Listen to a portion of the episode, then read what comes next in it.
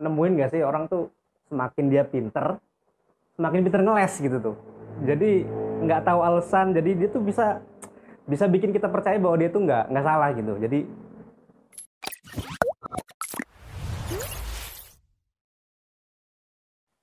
ya assalamualaikum warahmatullahi wabarakatuh.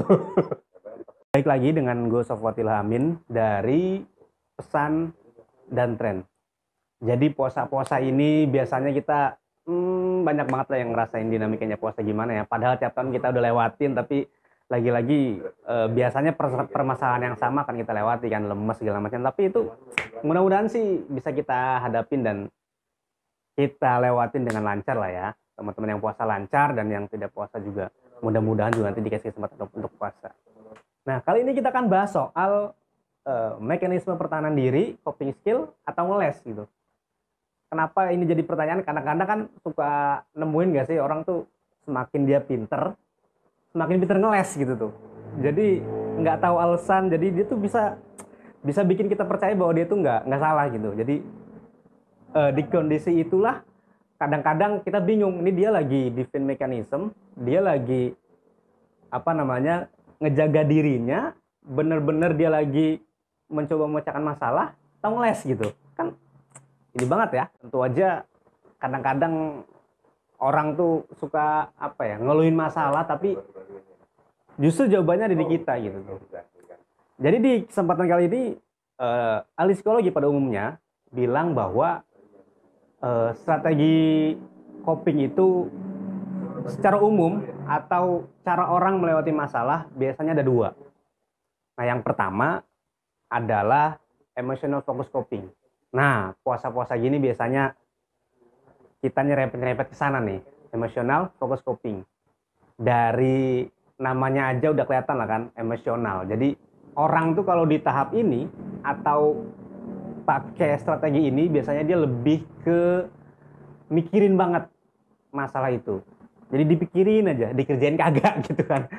Nah, itu yang sebenarnya tidak salah tapi eh, satu waktu juga cocok lah untuk dipakai gitu. Jadi biasanya orang yang dengan menggunakan mekanisme atau hmm, strategi coping ini dia lebih kepada menekan atau coba ngurangi masalah melalui emosional, melalui rasa. Kadang-kadang ada tiba-tiba teman kita nelpon kita kan curhat masalahnya. Nah itu sebenarnya secara nggak langsung dia lagi e, ngelakuin yang namanya strategi mekanisme pertahanan diri atau strategi atau coping skill tadi gitu tuh. Ada teman tiba-tiba ngajak keluar, ada orang tiba-tiba ngajak buka bersama, kita kan nggak tahu kan. Atau mungkin kita sendiri lagi punya masalah tiba-tiba pengen WhatsApp atau siapa gitu ngedengerin curhatan orang. Nah itu ternyata masuk dalam kategori hmm, emotional focus coping. Kemudian yang kedua adalah problem focus coping. Jadi di puasa-puasa kali ini biasanya kan banyak masalah tuh. Orang problem focus coping itu dia fokus kepada inti permasalahan. Jadi dia teknis banget. Ketika ada masalah datang dia langsung nyelesain masalah itu. Nah, negatifnya di strategi coping yang pertama, biasanya dia cuma nunda. Dalam artian cuma nyari pelarian lah. Ada masalah ini lari ke pantai, ada masalah ini curhat ke siapa gitu tuh. Biasanya nggak selesai masalahnya. Nah, di dalam dua strategi coping ini ada beberapa hal yang harus kita penuhi dalam artian kalau mau menyelesaikan masalahnya secara profesional pas gitu ada tiga hal yang harus dipenuhi. Nah, yang pertama tipsnya adalah regulasi diri atau manajemen diri. Jadi kita harus tahu betul kapan kita ngapain kapan dan dengan siapa kita ngapain gitu tuh. Klasik sih memang. Istilah waktu kosong kita klasik memang. Nyebelin memang gitu kan. Bosen lah ngedenger ngedenger orang bilang kayak gitu bosen. Tapi sadar nggak sadar itu yang jadi uh, solusi. Kemudian yang kedua adalah dukungan sosial. Dari mulai terdekat keluarga, cari dukungan sosial yang pas, cari lingkungan yang pas, yang membuat kita bikin kita nyaman lagi, bikin kita lupa sama masalah kita. Kadang-kadang kalau kita udah mutusin satu hal, kalau orang-orang sekeliling kita nggak pas, orang-orang sekeliling kita ngasih masukan, kadang-kadang kita bisa goyang juga ya nggak sih? Atau mungkin sebaliknya kita udah nyari jawaban itu di dalam diri kita ternyata pas kita curhat, pas kita ngomong ada di orang-orang sekitar kita. Jadi jawaban nggak selalu ada di dalam diri kita, tapi orang lain juga pasti punya masukan-masukan yang bagus itu. Nah yang ketiga adalah yang disebut dengan uh, manajemen waktu. Kapan lo harus ngapain, di mana dan dengan siapa. Nah itu harus di manage dengan baik. Nah dari dua pendapat ini, karena gue dulu belajar di UIN Syarif Hidayatullah Jakarta, sebenarnya ada mekanisme coping yang terakhir, yang ketiga, yaitu adalah spiritual focus coping.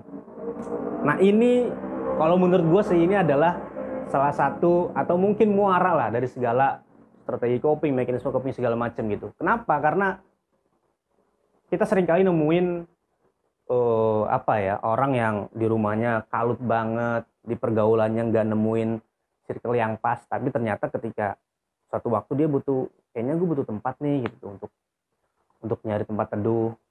Akhirnya datanglah ke pesantren mana gitu kan. Karena gue butuh waktu untuk menyendiri nih. Akhirnya dia bermunajat doa segala macam. Akhirnya uh, tanpa disadari justru masalah itu atau solusi itu ketemu ketika dia memakai atau menggunakan skill yang kita yang ketiga tadi spiritual fokus coping gitu. Jadi fokus pada spiritual, fokus pada hmm, pemenuhan gizi rohani, fokus pada perbaikan hubungannya dengan uh, Sang Maha Kuasa. Jadi muaranya. Nah salahnya kadang-kadang orang memakai mekanisme ini justru jadi alternatif terakhir gitu tuh. Kadang-kadang udah mentok baru, udah oh, tersesat, udah ini baru. Padahal kalau kita bisa mindahin itu ke ke yang pertama, spiritual focus coping, dari yang pertama dijadiin prioritas utama, kayaknya kita bisa nemuin uh, masalah itu gitu tuh. Meskipun kita doanya lewat sujud, tapi kan pesannya sampai ke langit, gitulah kira-kira ya.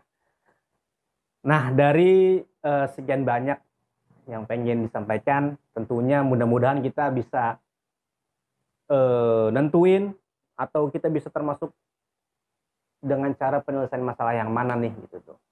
Dan kita di Ramadan ini mudah-mudahan bisa sama-sama ngebangkitin lagi bahwa semuanya bermuara pada Sang Maha Kuasa atau Sang Holik. Gitu aja dari podcast pesan dan tren. Mudah-mudahan bisa kita ambil sama-sama baiknya dan selamat menjalankan ibadahnya. Gue Safatul Amin. Assalamualaikum warahmatullahi wabarakatuh.